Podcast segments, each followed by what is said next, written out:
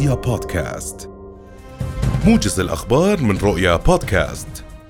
أوعز وزير الداخلية مازن الفراية للحكام الإداريين الإفراج عن 536 موقوفا إداريا بعد أن تمت دراسة ملفاتهم أصوليا والتأكد من أن الإفراج عنهم لا يشكل خطرا على الأمن والنظام العام.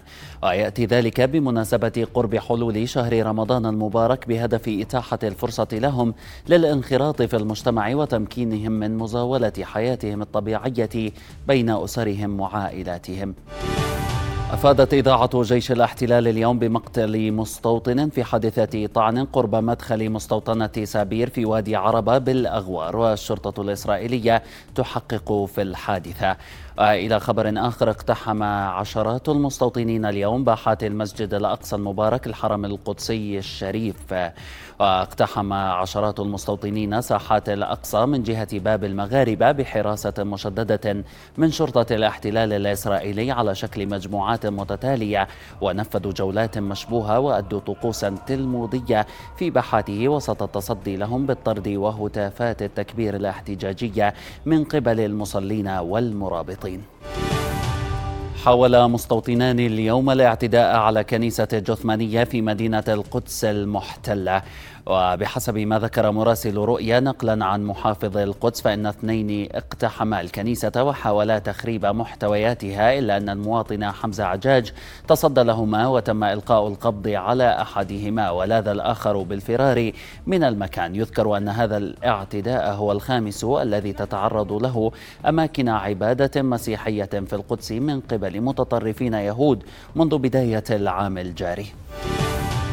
يعقد اجتماع أمني خماسي اليوم في مدينة شرم الشيخ بمصر بمشاركة ممثلين عن السلطة الفلسطينية وسلطات الاحتلال والأردن ومصر والولايات المتحدة الأمريكية.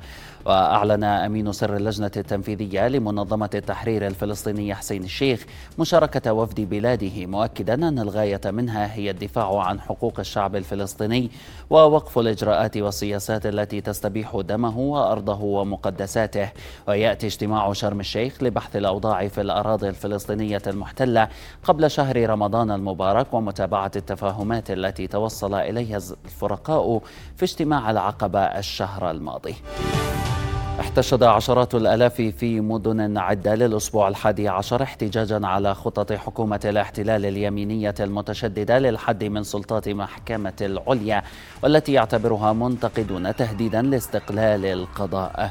يحظى رئيس الوزراء الإسرائيلي بنيامين نتنياهو الذي يقول إن هدفه هو تحقيق التوازن بين أفرع الحكومة بأغلبية في الكنيست إلى جانب مساندة حلفائه في الائتلاف الديني القومي ومع قرب التصديق على التغيرات والتغييرات تصاعدت الاحتجاجات مما أثر على الاقتصاد وانخفض الشيكل وامتد الأمر إلى تهديد بعض جنود الاحتياط بعدم الاستجابة لأوامر الاستدعاء. عالميا زار الرئيس الروسي فلاديمير بوتين مدينة ماريوبول الأوكرانية الساحلية في إقليم دونيتسك وفق ما نقلت وكالات أنباء الروسية اليوم عن المكتب الإعلامي في الكرملين وهذه هي أول زيارة للرئيس الروسي إلى هذه المدينة التي سيطر عليها الجيش الروسي في أيار العام الماضي. ووفقا للكرملين وصل بوتين إلى ماريوبول على متن مروحية. ثم قام بجولة في المدينة وهو يقود سيارة بنفسه. كما تحدث مع سكان محليين وزار عددا من المواقع المهمة واستمع إلى تقرير عن إعادة الإعمار في المدينة. قتل 14 شخصا على الأقل وأصيب آخرون جراء زلزال ضرب جنوب الإكوادور وشعر به سكان البيرو. وأفاد المعهد الأمريكي لرصد الزلازل بأن الزلزال بلغت قوته 6 درجات وثمانية أعشار من جهته. قالت السلطات الإكوادورية إن شدته بلغت 6 درجات وخمسة أعشار على مقياس ريختر. وأثار الزلزال حالا من الذعر بين السكان الذين نزلوا إلى الشوارع. وانهارت منازل في مد في مدن عدة من بينها مدينة كونيكا الأكثر تضرراً. وفي الحالة الجوية يتعمق اليوم تأثير الكتلة الهوائية الباردة المرافقة للمنخفض الجوي المتمركز شمال شرق جزيرة قبرص لذا يطرأ انخفاض على درجات الحرارة بشكل ملموس مع بقاء الأجواء باردة وغائمة وماطرة في شمال ووسط المملكة. قال موقع طقس العرب إنه من المتوقع تأثر أغلب المناطق بالمنخفض الجوي الذي تبلغ مدة تأثيره على الأردن 72 ساعة وسيمتد ليشمل أجزاء من المناطق الجنوبية والشرقية كما ستزداد فرص تساقط الأمطار الغزيرة والبرد محذرا من خطر تشكل السيول وجريان الأودية اليوم وغدا.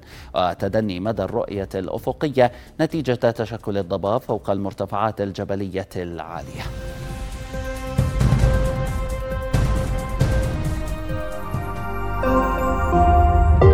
رؤيا بودكاست.